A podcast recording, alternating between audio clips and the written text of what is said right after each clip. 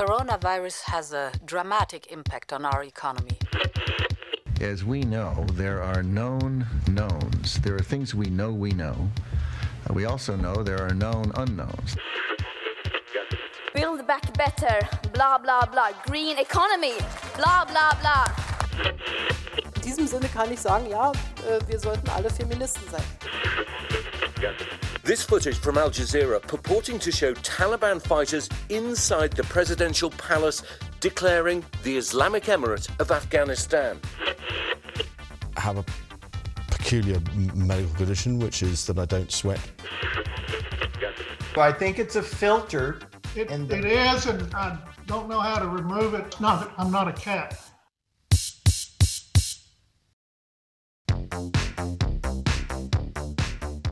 Þú ert að hlusta á heimskviður Í heimskviðum er fjallað um það sem gerist ekki á Íslandi. Ég heiti Birta Bjöstóttir. og ég heiti Guðmundur Björn Þorbjörnsson.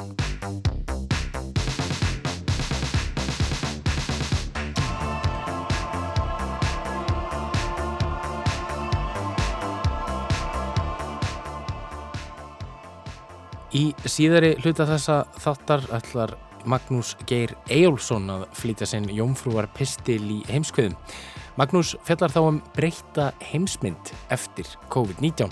Já, en við ætlum að byrja á því að fara til Úkrænu, nánar tiltekið til Kiev.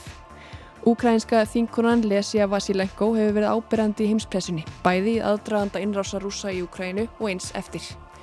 Hún er í stjórnar andstöðu og var áður ötull gaggrinandi sitjandi fósetta, Volodymyr Zelenskís, en síðustu vikur hefur úkrænskur þingheimur allur fyllt sér á bakvið fósettan. Guðmundur Björn rætti við Vasilenko í vikunni um framtíðarhorfur í Úkrænu. Mun Úkræna neyðast til að gefa rússum eftir landsvæði.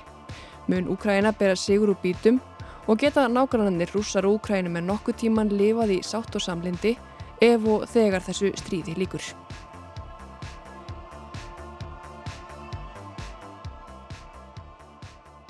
Tveimur dögum eftir innrás rússa í Úkrænu byrti úkrænsk þinkona mynd á samfélagsmiðlinum Twitter sem átti eftir að fara sem eldur í sínu um netheima.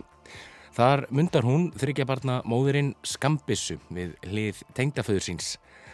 Haldið ró ykkar og lærið á bissur. Ég er í stuttri herþjálfun hjá tengdapappa sem er besta ráðið þegar loftárasir dinja yfir. Á morgun ætlar hann að kenna mér á AK-47 riffil.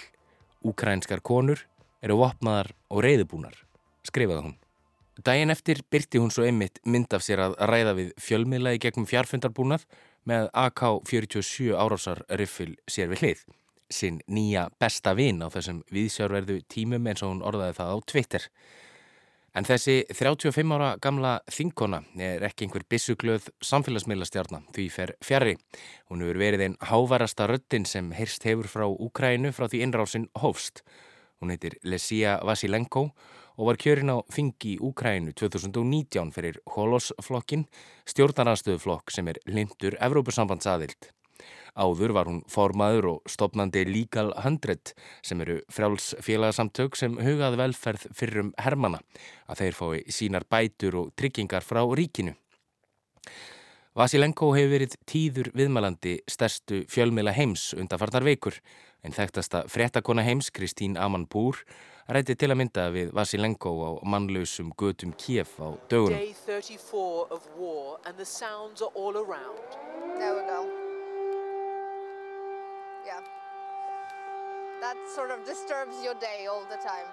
Og Vasilenko er and um að heimsbyggðin fylgist með og veitti heimskveðum viðtali í vikunni. Hello. Hello, can you hear me? Yes, hello, I can. Nice to see you and thank you so much for giving us the time. You're welcome. Þótt Lisja Vasilenko hafi verið tíður gestur heimspressunar frá því innrásin hófst var hún það einnig í aðdraðanda innrásar rúsa. Rúsar höfðu vikurnar á undan stór aukið mannablassin við ukrainsku landamærin frá Kvítarúslandi úr norðri, við rúsnesku landamærin í austri og frá Krímskaga í söðri. Var að koma stríð, spurði pressan þá. Allir spurðu sömu spurningana og svar Vasilenko og margra annara ukrainskra stjórnmálamanna þá var það sama. And myself, as many other Ukrainian politicians, we were absolutely confident that we have seen all of this before. Russian aggression didn't start on February 24th, 2022. Russian aggression actually started in February 2014, eight years before. Við höfum all séð þetta áður, segir Vasilenko. Árás rússa hófst ekki 24. februar, segir hún, heldur í februar 2014 fyrir 8 árum. Vísar Vasilenko hér til þess þegar rússar innlimiðu krímskaga og rúsneskir aðskilnaðasinnar náðu stjórn á söð-östur héröðunum Luhansk og Donetsk á Donbass svæðinu svo kallaða. Þessir atbyrður komu í kjölfar Euromaidan-byltingarinnar, mótmælum sem vörðu frá því november 2013 til februar 2014, þar sem Evrópusinnaðir Ukrænumenn kröðust afsagnar fósettans Viktors Janukovics sem hafi þá neitað að skrifa undir fríveslunarsamning við Evrópusambandið að beðni stórabróður í Moskvu Vladimirs Putin.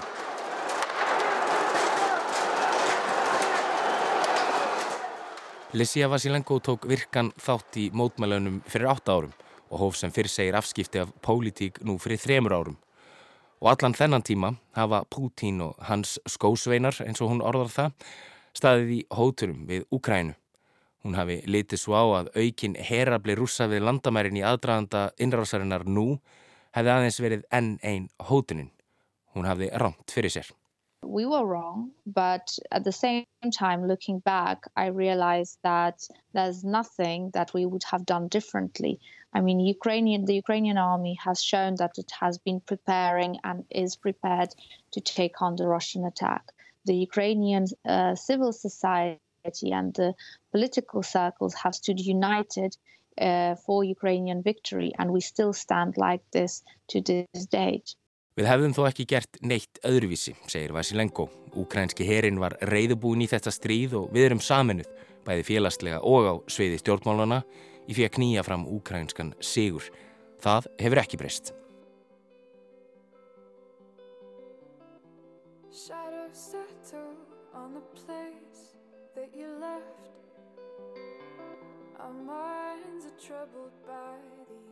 Í nýlegum pistli í breska blæðinu The Daily Telegraph saði Boris Johnson, fórsetis ráðara Breitlands, að ríki á Vesturlöndum hefði gert ræðileg mistök árið 2014 með því að láta Vladimir Putin komast upp með að herrtaka og innlima krímskaga inn í Rúsland. Rúsneski fórsetin hefði framið alvarlega glæpi með því að hernema stóran hluta fullvalda ríkis og við lefðum honum að komast upp með það, saði breski fórsetis ráðaran. Í spurði Lesju Vasilenko hvað henni finnist um þessi ummæli Hún tekur undir með Johnson og sagði að með því að horfa álengdar á rússa hernema allan krímskaga hefði Vesturland gert hræðileg mistök og sínt undanslátt til að þóknast Pútín af óta við ófrið. En þeim undanslætti hafi aðeins fyllt meira blóð, fleiri döðsföll, fleiri morð og stríð sem virðist nú verið að slíta Evrópu í sundur og það á 21. öldinni. And with that appeasement came more blood, more death, killings, and an utter war, which risks to be tearing Europe apart uh, in the middle of the 21st century. So appeasement clearly doesn't work, and I hope that today the leaders uh, of the free world can learn from the mistakes of 2014 and that there will be no more callings on Ukraine to cede territories, or to make any kind of concessions to Putin, and that uh, together with Ukraine, the Western world can fight uh, in a united front against Russian aggression and against the threat of totalitarianism spreading across Europe and the world. Svona undansláttur virkar ekki, segir Vasilenko.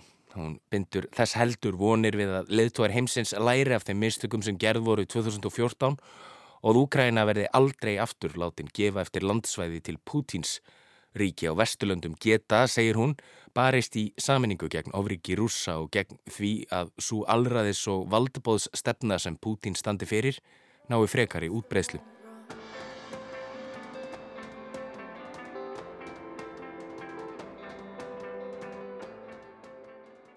Óhætt er að segja að Volodymyr Selenski, leikarin sem var fósetti Úkrænu á sama tíma og Vasilenko settist á þing fyrir þremur árum, hafa unnið hug og hjörtu heimsbyðarinnar.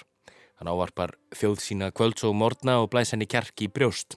Flokkur Selenskís, þjóðn fólksins, hlaut reynan meirihluta í þingkostningunum 2019 sem haldnar voru þremur mánuðum eftir fórsetakostningarnar. Flokkurinn hlaut 254 þingsæti og 43% atkvæða.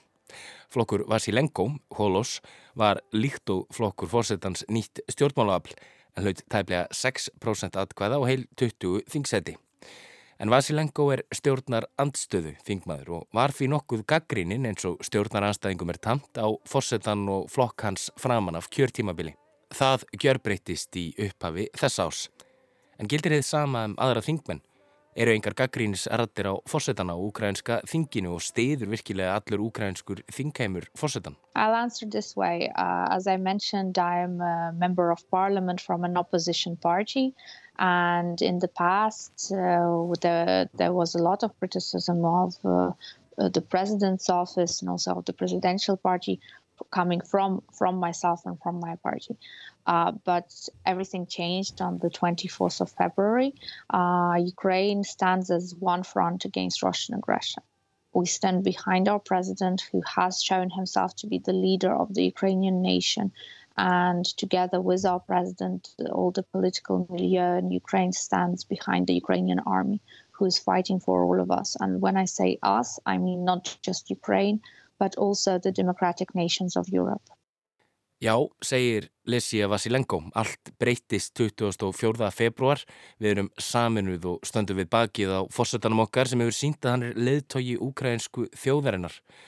Þá standa allir stjórnmálamennir okkar með ukrainska hernum sem berst fyrir okkur öll, segir hún og bætir því við að þar eigi hún við að herin berjist fyrir tilveru rétti allra líðræðslegra þjóða Evrópu.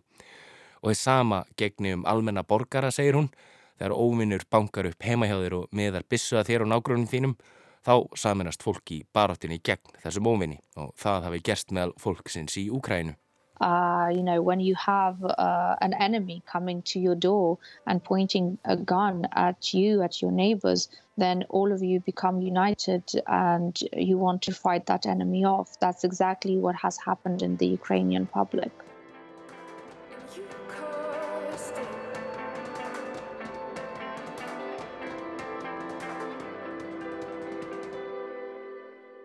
Einrás rúsa í Úkrænu hefur ekki aðeins haft hörmulegar afleðingar fyrir Úkrænu og fólkið sem þar býr, heldur haft keðiverkandi áhrif á ansi marga þætti sem snerta daglegt líf fólks út um allan heim. Matvalastofnun saminuð þjóðana varaði nýverið við yfirúváfandi hungursneið í þeim löndum sem reyða sig hvað mest á úkrænskar landbúnaðarvörur. En þá hafa rússar einnig fengið að finna til tevatsins. Hér á Vesturlöndum er stuðningur við stjórnmöldi í Úkrænu nær afdráttarlaus ef frá eru talin einstaka ríki eins og ungverjaland sem neyta að taka þátt í efnægarsþingunum gegn rússum. Ríki Allandsafs bandalagsins NATO hafa stutt diggilega við bakið á úkrænska hernum í formi hergagna og miljardar dollara fjárveitinga. En betur má ef duga skal, segir Lesia Vasilenko, sem segir að rétt eins og 2014 hafi viðbröð alþjóðasamfélagsins í aðdraðanda innrásenninnar nú í februar verið klúðusleg. Every single one of those days uh, Ukraine has been pleading with the international community for more weapons, uh, more weapons uh, to be able to go on the offensive, more weapons, uh, more sophisticated weapons. We have been uh, pushing for sanctions against Russia. We have been pushing for an independence of Europe from Russian energy resources. And every time we have been hearing no, no, no, and no again, because Europe wished to live uh, under uh, a normal relationship Í aðdraðanda einrásar hafi úkrænumenn ítrekkað kallað eftir því að öllum orkuviðskiptum við rússa verði hægt, en svarið hafi alltaf verið þið sama, nei, nei, nei, Evrópa vil lega eðlileg samskipti við Rúsland. En það er ekki hægt, segir Vasilenko. But a normal relationship with Russia is impossible because Russia under Putin is an authoritarian state. And if we want to get rid of authoritarianism and aggression in Europe, then we must take measures. We, as a uh, society of free people and as a democratic society of Europe. And this is what Ukraine has been falling on. This is what Ukraine has not been getting until the very last months. Um, and I think that now uh, it's important that uh, all our partners stay on track with the speed of uh, getting all the necessary resources for Ukraine to keep fighting this war against Russian aggression. Eðlilegt samband við Rúsland er ómögulegt því Rúsland er valdbóðs ríki, segir Lesja Vasilenko. Og ef við viljum losna við valdbóðs stefnur og ofríki í Evrópu, verðum við að grípa til aðgerða sem frjálst og liðræðislegt samfélag. Þessu hefur Úkræna kallað eftir lengi, en á okkur hefur ekki verið hlustað, segir hún, fyrir ná allra síðustu mánuðum. og nú sé mikilvægt að allir bandamenn Úkrænu haldi sínu streiki. Já, of lítið og of sent, segir Vasilenko. Í aðdraðanda stríðsins hefði verið hægt að grípa til aðgerða sem hefðu dreyið úr því efnahagslega tankarhaldi sem rússar að hafa á mörgum Evrópuríkjum. Það verður ekki bæði sleft og haldið, segir hún, fyrir hver einasti öyr sem rússar fá úr gaskaupum Vesturlanda fyrir það að kaupa bissukúlur sem drepa Úkrænumenn. cost measures don't work because every single euro cent or any other currency paid into Russia uh, it goes to buy bullets that go on to kill Ukrainians, and that's just not okay. It's especially not okay uh, if you claim to be uh, a country with respect for human rights or rule of law. Um, that's just a form of, hypocr- uh, of hypocrisy when you're saying that we'll be, we'll be still doing business with Russia. Það er ekki í lagi, segir Vasilenko. Sérstaklega ekki ef þú heldur því fram að þú og þín stjórnvöld beri virðingu fyrir mannrettindum og lögum. Það er hræstni ef þú ert á sama tíma að eiga í viðskiptum við rúsa.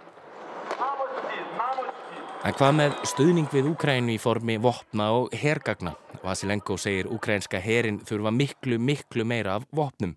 Herin hafi hingað til barist gegn villimönnum eins og hún orðar það einir síns liðs. Það sé í góðu lægi og þau munu halda því áfram eins lengi og þau hafi vopnin til þess. Ukraine has been fighting this, this army of barbarians and of aggressors uh, single-handedly. And we are happy to do that. We are happy to continue doing that as long as we have the means to fight with the weapons, the instruments. So keep them coming and Ukraine is happy to be, be the protector of Europe. Haldið áfram að láta okkur fá vopn og þá mun Úkraina glöð halda áfram að verja Evrópu. Skilabóðin þarna eru nokkuð skýr. And I warmly welcome the requests by Finland and Sweden to join NATO.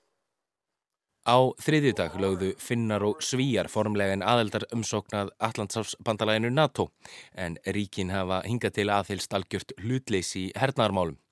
Ástæða umsóknarinnar er einföld innrás rússa í Úkrænu og svo ógn sem hún veldur. Samþykja öll ríki bandalagsins umsóknir finna og svíja verða NATO-ríkin því 32 talsins. Joe Biden bandarækjafósetti lísti fullum stuðningi við umsóknir þjóðana um aðeildað bandalæginu þegar hann tók við leiðtóðum ríkjana í Washington á miðvíkudag og sagði að aðeild þeirra myndi styrkja bandalægið.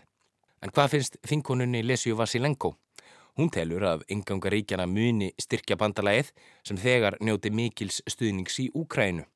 Þar sé viljið til þess að ganga bæði í Evrópussambandið og Allandsafsbandalægið og í úkrænsku stjórnarskráni standi það skýrum stöfum að Úkræna leitist eftir frekari samvinnu við ríki á Vesturlöndum. Ukrainians and myself included, we believe in, uh, in NATO, we be believe in international institutions. There's a great support for NATO within the population of Ukraine and in our Ukrainian constitution, you know, there's this, uh, the provisions which say that Ukraine is on track to European integration which essentially means the EU, and to North Atlantic integration, which essentially means NATO. That line in the constitution remains as is. We haven't changed it. So Ukraine still hopes and aspires to one day become a full-fledged NATO member. Eins og staðan er núna er þú alveg ljóst að það verður einhver byggð á því að Úkræna gangi í NATO en enganga svíja og finna sendir skýr skilabóð til rússa, segir Vasilenko.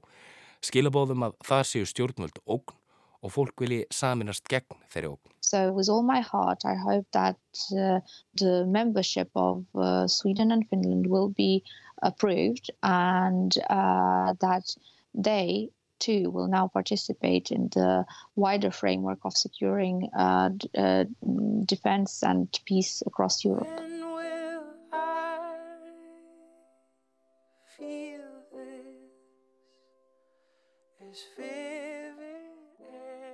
En hvernig er daglegt líf fyrir ukrænskan þingmann í dag? Lesja Vasilenko hefur verið í Kíef frá því innrásun hófst. Hún er þar borin og barnfætt og vil hverki annar staðar vera. Þar býr hún með manni sínum og þremur börnum. Og hún mætir í vinnuna. Já, ukrænska þingið hefur unnið hörðum höndum að því að halda stopnunum samfélagsins gangandi. Til að mynda hafa tólf þingfundir farið fram í þinghúsinu í Kíef frá því innrásin hófst. En þinghúsið er eðlisins vegna líklega hættulegasti einstakki staður í veröldinu um þessar myndir. Vasilenko segir að langflestir þingmenn hafi ákveðið að vera eftir í Úkrænu, rétt eins og hermenn, læknar og aðrir úkrænumenn sem leggist nú á eitt. Sem kjörnir fulltrúar af fólkinu í landinu sé það þeirra skilda að vera til staðar. Fáir byggust við því að nú tæpum þremur mánuðum frá innráðs rúsa að úkrænumenn væru ennað berjast. Styrkur úkrænska hersins hefur komið heimsbyðin á óvart, segir Vasilenko og nefnir að á fyrstu dögum strísins hafi flestir búist við því að Úkraina myndi falla mjög fljóðlega. Uh, I think uh, you can remember very well in the first hours when we realized that Putin has declared war on Ukraine, uh, the, the different uh, sort of predictions where uh, Ukraine was being given a couple of hours, then mm-hmm. a couple of days to stand. Then, then uh, all these military experts were looking on at us like, oh, they they managed to stay on for five days. Uh, they managed to stay strong for seven days. Ukraine is still existing after two weeks, uh, and th- this shows how strong the Ukrainian army is. As I said, all these eight years of war, uh, we weren't wasting time. Our military was getting reformed, and our military was getting stronger together with our military, the people stand, meaning that uh, not only did the people go uh, register with the military units, but they also registered in the territorial defense battalions. Essentially, these are uh, battalions formed within local communities uh, to be able to, to defend the country. And they provide an, an immense support to the regular military units which are operating across Ukraine. Um, our army is getting close to, to a million strong. Uh, with the weapons, we had the issues with the weapons because we were using old um, Soviet type weapons. But th- these issues are gone now with the support that we are getting and with the uh, weapon deliveries that are coming in from all over Europe. En á þeim átta árum sem Úkraina hefur staðið í átökum við rússa hefur herin orðið sterkari og sterkari, segir Vasilenko, en hún telur að nær 2 miljónir úkrænumanna sé á einnið annan hátt hluti af hernum. Áður hafi hergögn úkrænumanna verið gömul og úr sér gengin vopn frá sovjettímanum, en með aðstóð ríkja á Vesturlöndum sé vopnakosturinn orðin mun betri. Borgin Mariupol, sem við höfum rættum hér í heimskviðum, hefur nánast verið lögð í rúst og segir Vasilenko að rústneskir hermenn séu aðeins tilbúinir að gefa um 3000 almunum borgurum að borða á degi hverjum en yfir 100.000 manns eru þar enn innleiksa. Það séu enn framinn mannreitindabrót og nú sjáu heimurinn svart á kvítu hvað það þýði í raun og veru þegar rússar segast vera að koma fólki til bjargar að vera frelsaðir af rússum en Pútín Rúslandsfósit hefur ítrykkað sagt að tilgangur innrásarinnar sem hann kallar sérstaka hernaðarlega aðgerð sé að bjarga fólki frá ofríki Úkrænustjórnar. So uh, we in Ukraine and also the whole world is seeing what it is to be liberated uh, by Russia. You know, uh, it's, it's, it just only means a complete and full destruction of Ukraine. Of of everything that is Ukrainian and of a Ukrainian nation. Frelsun rússa, segir Vasilenko, er algjör eðilegging og útrýming á öllu sem er úkrænst þar á meðal úkrænsku þjóðinni. Stór hluti Úkrænu frá Kharkiv í norðaustri til Kersson í söðri að óglemdum Krímskaga og öllu Dombassvæðinu er nú undir stjórn rússa. Farið svo að einn daginn ljúki þessu hörmulega stríði. Hvað gerist þá? Það var rússar tryggt sér ný landsvæði til frambúðar eða munu Úkrænum en endur heimta landið sitt. Olof Scholz, kanslari Þískalands, sagði í vikunni að russar myndu aldrei komast upp með það að endur skilgreina landamæri Úkrænu með því að hrifsa til sín úkrænst land og býða svo bara þar til stjórnvöldi í Kíef og annar staðar sættu sig við orðin hlut. Undir það tekur lesi að Vasilenko. Það væri glæpur að halvu úkrænskra stjórnvalda glæpur ukrainskum lögum og alþjóðlögum. And it would be a crime on behalf of the Ukrainian government and political establishment to give up any territory to Russia. It would be a crime under Ukrainian law uh, and in, uh, in the context of the Ukrainians who remain in those territories. And also it would be an international crime because ceding territories to an aggressor such as Putin only means inciting more greed in that aggressor to push for more and more territories and to go in for more and more land grabs. Það að gefa eftir landsvæði til árásaraðila eins og Pútín myndi einungis fá hann til að ganga á lægið og sækja vestar og vestar og í græðkisinnin á frekara landi undir sig, segir Vasilenko. Þá segir hún ennfremur að undansláttur og það að gefa árásaræðalum eftir landsvæði hef ekki gefist vel í sögunni. Það hafi sést í síðari heimstyröld en líka eftir að russar tóku yfir Krímska 2014. You know, the international history shows us the Second World War, 1938, and what was happening with Hitler and the appeasement policy, which didn't quite work out, uh, which actually started uh, World War II.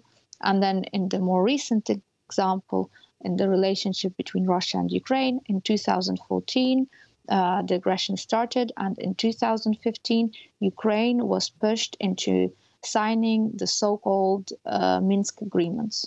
Þá segir Vasilenko að úkrænumenn hafi nauð beigðir skrifað undir Minsk samkómulegið svo kallaða nokkus konar vopnallið frá árunnu 2014 milli aðskilnaða sinna í Donbass hér aði og úkrænumanna.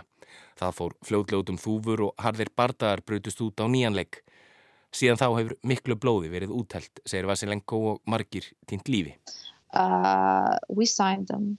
Russia had control over illegally annexed Crimea and territories of Donetsk and Luhansk regions. Um, for eight years, the fighting carried on. And after eight years, the fighting escalated to unprecedented levels with war crimes, crimes against humanity, plenty across the territory of Ukraine. A lot of blood spilled, a lot of lives taken. And uh, at the end of the day, we see that Russia is claiming even more territories now. If Ukraine cedes these territories, what we will see in eight years, in five, in ten years, maybe, the same story repeating itself with more blood and with more lives being taken. So it's impossible to, to talk about territories being ceded in return for peace because that peace won't be long lasting and that peace will only bring war in the end. Farið svo að Úkraina gefi eftir hluta af landsvæði sínu til rússa, segir Vasilenko, munum við sjá söguna endur taka sig eftir nokkur ár. Meira blóði verður úttelt og fleiri líf tínast. Það sé því með öllu óhugsandi að Úkraina gefi eftir landsveiði í skiptum fyrir frið. Slíkur friður er þið aldrei langvarandi. En hvernig sér þá þessi 35 ára gamla þinkona, þessi þryggjabarna móðir sem þráir ekkert heitar en að friður komist á í heimalandinu, framtíðina? Mun hún og aðrir úkrænumenn nokkuð tíman geta lifað friðsamlega í návífið Rúsland? Þeirri spurningur er erfitt að svara, segir hún. That's a very difficult question right now. Og hún spyr mig á móti. Getur þú búið með manni sem kemur inn á heimilið þitt, beinir bissu að höfðið þínu og fjölskyldið þinnar og segist alltaf búa í húsinu þínu? Because I can, I can just ask uh, it differently. Can you coexist with uh, a man who comes into your house, points a gun at you, at your family, and says that I'm going to live in your house right now? Hvernig vinnur þú úr því, spyr hún. Hvernig samband munir þið eiga? It's more or less the same for Ukraine and Russia.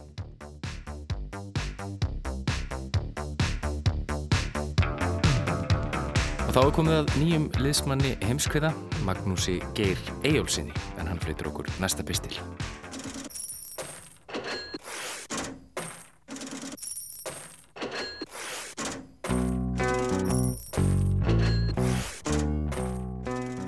Árið 2022 átti að verða ár fjármálar á þeirrana. Það glitti í endalókin á COVID-19 faraldrinum og sáu þeirri hyllingum að varpa fram háum hafvakstutölum eftir bort síðustu ára.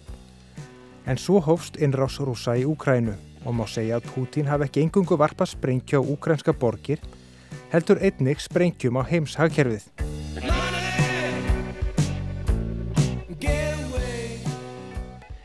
Í stað betri tíðar með blómum í haga róa fjármálar á þeirrar heims nú lífróður í baróttu við síhækandi hráfvörðverð, áður óseða verbulgum og versnandi lífskjör. Rétt eins og faraldurinn á þetta að heita tímabundið ástand. En nú eru málsmetandi menn farnir að tala um að áhrif þessara heimsögulegu viðbörða verði varanleg. Stríðið í Úgrænu og innráðs rúsa þangað, það hefur áhrif að miklu leiti á sömu atriði og COVID hafði uh, og þá að miklu leiti mitt alltjóðaviðskipti.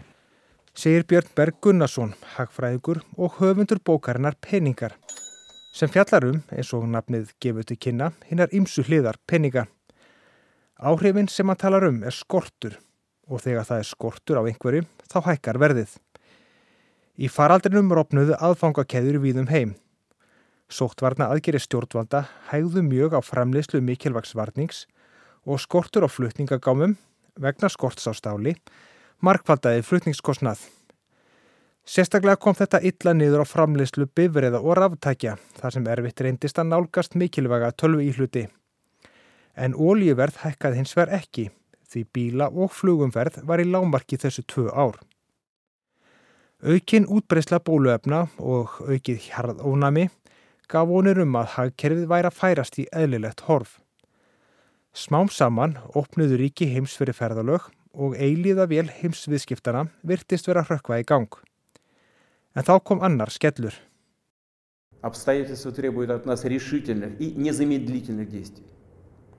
Народные республики Донбасса обратились к России с просьбой о помощи. В связи с этим, в соответствии со статьей 51 части 7 устава... Vladimir Putin, fórseti Rúslands, tilkynur um að innrási hafin í Úkrænu og hinn vestranni heimur saminast um harðar efnahagsaðgerðir gegn Rúslandi. Óvist er hversu langt rússar höfðu reikna dæmi til enda því samkvæmt þeirra útreikningum var það einungi spurningum hversu marga daga það tækja að leggja Úkrænu undir sig. Þremur mánuðum eftir innrás sér ekki enn fyrir endan á stríðinu. Dóminó áhrifin af innrásinni eru geigvanleg vegna þess að löndin leika stort hlutverk í útflutningi á ólíu, gasi, kortni og soplomólíu. Í Evrópu hefur orkverð rókið í hæstu hæðir þannig að ríki jafnvel sem um langt árabil hafa búið nánast enga verðbólgu, reyna nú allt hvað þau geta hveðanur verðbólgu draugin sem við Íslendingar þekkjum með nafni. En annar staðar, í fjarlægari og fátækari ríkjum heims, eru afleggingarnar lífsættulegar. Og eins og við þekkjum úr arabíska vorunum geta mótmæli gegn hækkandi matvælaverði breyst í eitthvað annað og verra. Lönd sem reyða sig á landbúnaðaframleyslu eru först í vítarhing. Ólja til að keira framleyslutækin er mun dýrar en áður, sem og ábörðurinn sem að miklu leiti er búin til úr gasi. Vissulega er hægt að sleppa ábörði, en það er þá kostnað uppskerunar til langframa. Ríkistjórnir, sem margar hverjar eru búin að dæla peningi í hagkerfin í faraldrinum, ímis með peningaprentun, landtökum eða öðrum leiðum, í vonum að tímabundið ástand væri að ræða, standa nú framið fyrir því að þreja þorran í þessu ástandi með enn frekari fjárútlátum eða grípa til harkalegra niðurskurðar aðgerða sem gætu hrundi að staf óerðum sem beinast á gegn þeim sjálfum. Sri Lanka er á barmi gjaldtróts. Ramagn, lif og aðrar nöðsynefurur er á skornum skamti og óljan er einfallega búinn tjáði nýr forsætisra á þeirra landsins þjóðsynni í vikunni. Eftir að forveri hans í starfi sagði af sér vegna efnahags ástandsins. Indland, næstasti kveitiframlegandi heims, brást við með því að banna útflutninga kveiti. Þrátt fyrir að sitja á nægum berðum.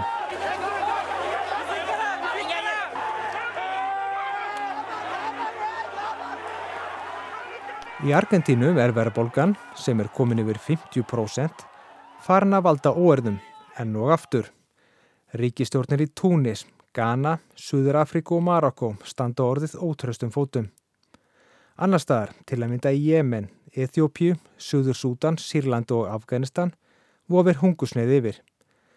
Efnahags hörmungar dreifa úr sér eins og skóareldar í fátakari ríkjum heims. Mikið til vegna atbyrða sem gerast í óra fjarlæð og þau hafa enga stjórn á. Og ofan á þetta allt saman er Kína, einn upplugasta turbínan í heimsagkerfinu í hægagangi. Vegna sóttvarna aðgerða stjórnvalda þar sem heilu stórborgunum er skellt í lás vegna nokkura COVID-smitta. Öll þessi áföll upp spurningar um hvort og þá að hversu miklu leiti tröst heimsagkerfið er á tímum nattvæðingar. Þar sem áfall í einu landi getur sett af stað bylgu áfalla í fjarlægum heimslutum. Gekk nattvæðingin og langt. Sú umræða er að þegar hafinn og margir spertu eirun þegar Jerome Powell, selabankastjóri bandaríkjana, sað á dögunum að staða nattvæðingarnar var í óvissu. Obviously, Chair Powell, there are going to be ramifications of this for growth and for inflation if we are, in fact, in a world where globalization is going in reverse or even dying. What do you think? Well, that is, that is certainly a possible outcome here. I think you've seen um, questions about globalization, and this this uh, series of events around Ukraine certainly has the the possibility of leading to a more fragmented political situation and economic situation. Uh. Það sem Páll er að segja þarna er að aðfanga keðjurnar sem nattvæðingin leiti af sér og heimsækjörfi tristi á voru of viðkvæmar. Vissulega er mjög ódýrt að framlega neyslufurur í Kína. Með íhlutum híðan og þaðan senda þær heimsá á milli með skipum þar sem þær rata í hillur stórmarkaða. Í eðlulegu árferði gekk þetta smurt en þegar eitthvað bjátar á, svo ekki sér tala um þegar heimsfaraldur rýður yfir, þarf afskaplega lítið til að keðjan rofni. Björn Berg aftur. Þegar tappið settur í súeskurðin, þegar Kína og Bandaríkinn fara í, í störukettn og tollastríð, þegar verið er að refsa ákveðnum löndum, þá er nánast alltaf því sama, þá, þá er áhrifin þau sömu. Það hefur verið að stoppa einhvers konar grundvallar aðri í nattvæðingunni. Það hefur verið að gera alþjóðleg skilvirk viðskipti erfiðari og þetta köllum við uh, áfall, refsingar, þvinganir, við notum slík hugtök um þetta vegna þess að þetta er alltaf mjög kostnæðsamt og sárt og erfitt og vond. Næstu misseri kemur í ljós hvernig heimshagkerfið ætlar að bregðast við. Býður það af sér stormin og heldur áfram eins og ekki það við gerst eða verða einhver flekaskil. Einkenningin er svo að aðfangarkeðjurnar verða stittar, að framleyslan færist nær heimamarkaðnum, jafnvel þótt að fel í sér meiri kostnað. Ekki bara gæti það þýtt viðvarandi verðbólgu til lengri tíma, heldur einnig að öld hins ódýra neysluvarnings líði undir lok. En að minnstakosti væri tryggt að frambóðu væri stöðugt. Þessi þróun var reyndar að einhver leiti hafinn fyrir faraldur til að mynda með America First stefnu Donald Trump. Og við konust flest við slagorðið veljum Íslenskt. En Björnberg óttast ekki aftukvarf til þjóðhernisinnar efnagstefnu þótt vissulega komið til með að greina blæbriða mun á nattvæðingunni. Einn ástæða þess er að flest ríki heims eru einfallega ekki fær um að vera sjálfum sér nóg. Svo við tökum nærdag dæmi, þá geta íslenska lífteknifyrirtæki nýtt sér íslenska sérþekkingu og hráefni úr íslenski náttúru til að búa til framúskarandi vörur. En tölvurnar, tækin og tólin þarf að flytja inn frá útlöndum og markaðurinn fyrir afurðirnar er sömulegis í útlöndum. Nú erum við búin að upplifa geysilega mikla og, og óþægil, óþægilegar takmarkanir á þessum þessari skilvirkni og við erum ennþá að finna fyrir þessu. Það er erfitt hugsaður fyrir íslenska bílalegur jætnvel að fylla í flótansinn fyrir sömari vegna þess að það vantar einhverja íhluti í tölvuparta fyrir framleiðendan sem er einhverstað annars þar í heiminn. Þetta er ennþá, það er ennþá eimir af þessu frá COVID, frá tímum COVID. Og þetta munuðu þetta þýða fyrirtæki og einstakleika þurfa svona aðlaða sér svolítið að þessu. En ég hugsa nú samt að þetta stefn allt saman í sömu áttu áður og, og að skilvirk alþjóða viðskipti séu sann sem áður framtíðin. Þótt útlitið kunna vera slemt núna þá geta þessi áföll leitt af sér eitthvað jákvætt. Svo sem að siðferði fari að skipta meira máli í alþjóðaviðskiptum Þegar innrásinn í Úkrænu hófst dróðu mörg alþjóðleg fyrirtæki úr viðskiptum við Rúsland Þau sem gerði það ekki fundu fyrir miklum þrýstingi neytenda og í vikunni lokaði McDonalds öllum sínum stöðum í Rúslandi. Innrafsinn ofinberar að þótt heilmikill skamtíma gróði geti fyllt við að eiga í viðskipti við spilt innræðisríki, þá getur kostnærin þegar uppi staðið verið mun meiri.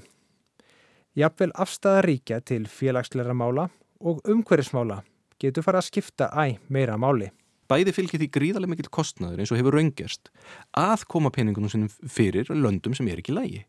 Það er bara geysilega kostnaðasamt. Eh, það hafa þúsundir, þúsundir, þúsundir miljard að tapast af spari fyrir uh, íbúa Vesturlanda sem geimdir hafa verið í Rúslandi, í fyrirtækjum þar og, og öðru. Eh, þannig að bæði er það beitt kostnaður en svo getur þetta líka verið einmitt bara uh, móralst að, að, að fólk fari að hvetja sín fyrirtæki með veskinu sínu, með pressu og uh, fulltrúa síns fjármaks, svo lífur í sjóðu og aðra, til þess að raukstiða það hvers vegna verið er að fjárfesta á vafusum stöðum eða að, að, að forðast á með, með öllu. Innrásin í Úkrænu kann svo að verða það sparki rassin sem vestræn ríki þurftu í loftlagsmálum. Mörg ríki Evrópu hafi verið ofháð Rúslandi um olju og gas. Þóttu laungum hafi staðið til að draga úr þeirri þörf er nú farin á fullt vinna við að finna aðra orkugjafa. Björnberg á von á að þangað flæði peningarnir á næstu misserum. Þá er alveg klart að það verður núna ráðist í gríðarlega miklar fjárfæstingar í endurlegaður orku, jættvel að skala sem aldrei nokkur sinni séð áður. Eitt stæsti eignastýringar aðil í heimi, e, BlackRock er að spá því að það verður hreinlega sprenging í þessu og geysilega miklu fjármagnir verði auðsið í endurlegaðlega orkukjafa á næstunni. Og það er þá hitt og þetta, við erum ekki bara að tala um það að að, að kveikt vera aftur upp í, í, í kjarnorku verum og reynd svona að bjarga málunum kannski til skamstíma heldur að, að lengri tíma plan og plön uh, stóra þróaðar innríkja mun ekki býða lengur. Það nú verði sest við borðið og, og, og teiknuð upp plön sem munu fela í sig gríðalega fjárfestingu í hinnum ímsu endan nýjanlegu orkugjöfum. Þetta verða loka orðin í heimskviðum þessa vikuna. Við þakkum þeim sem heitu og heyrumst aftur í næstu viku.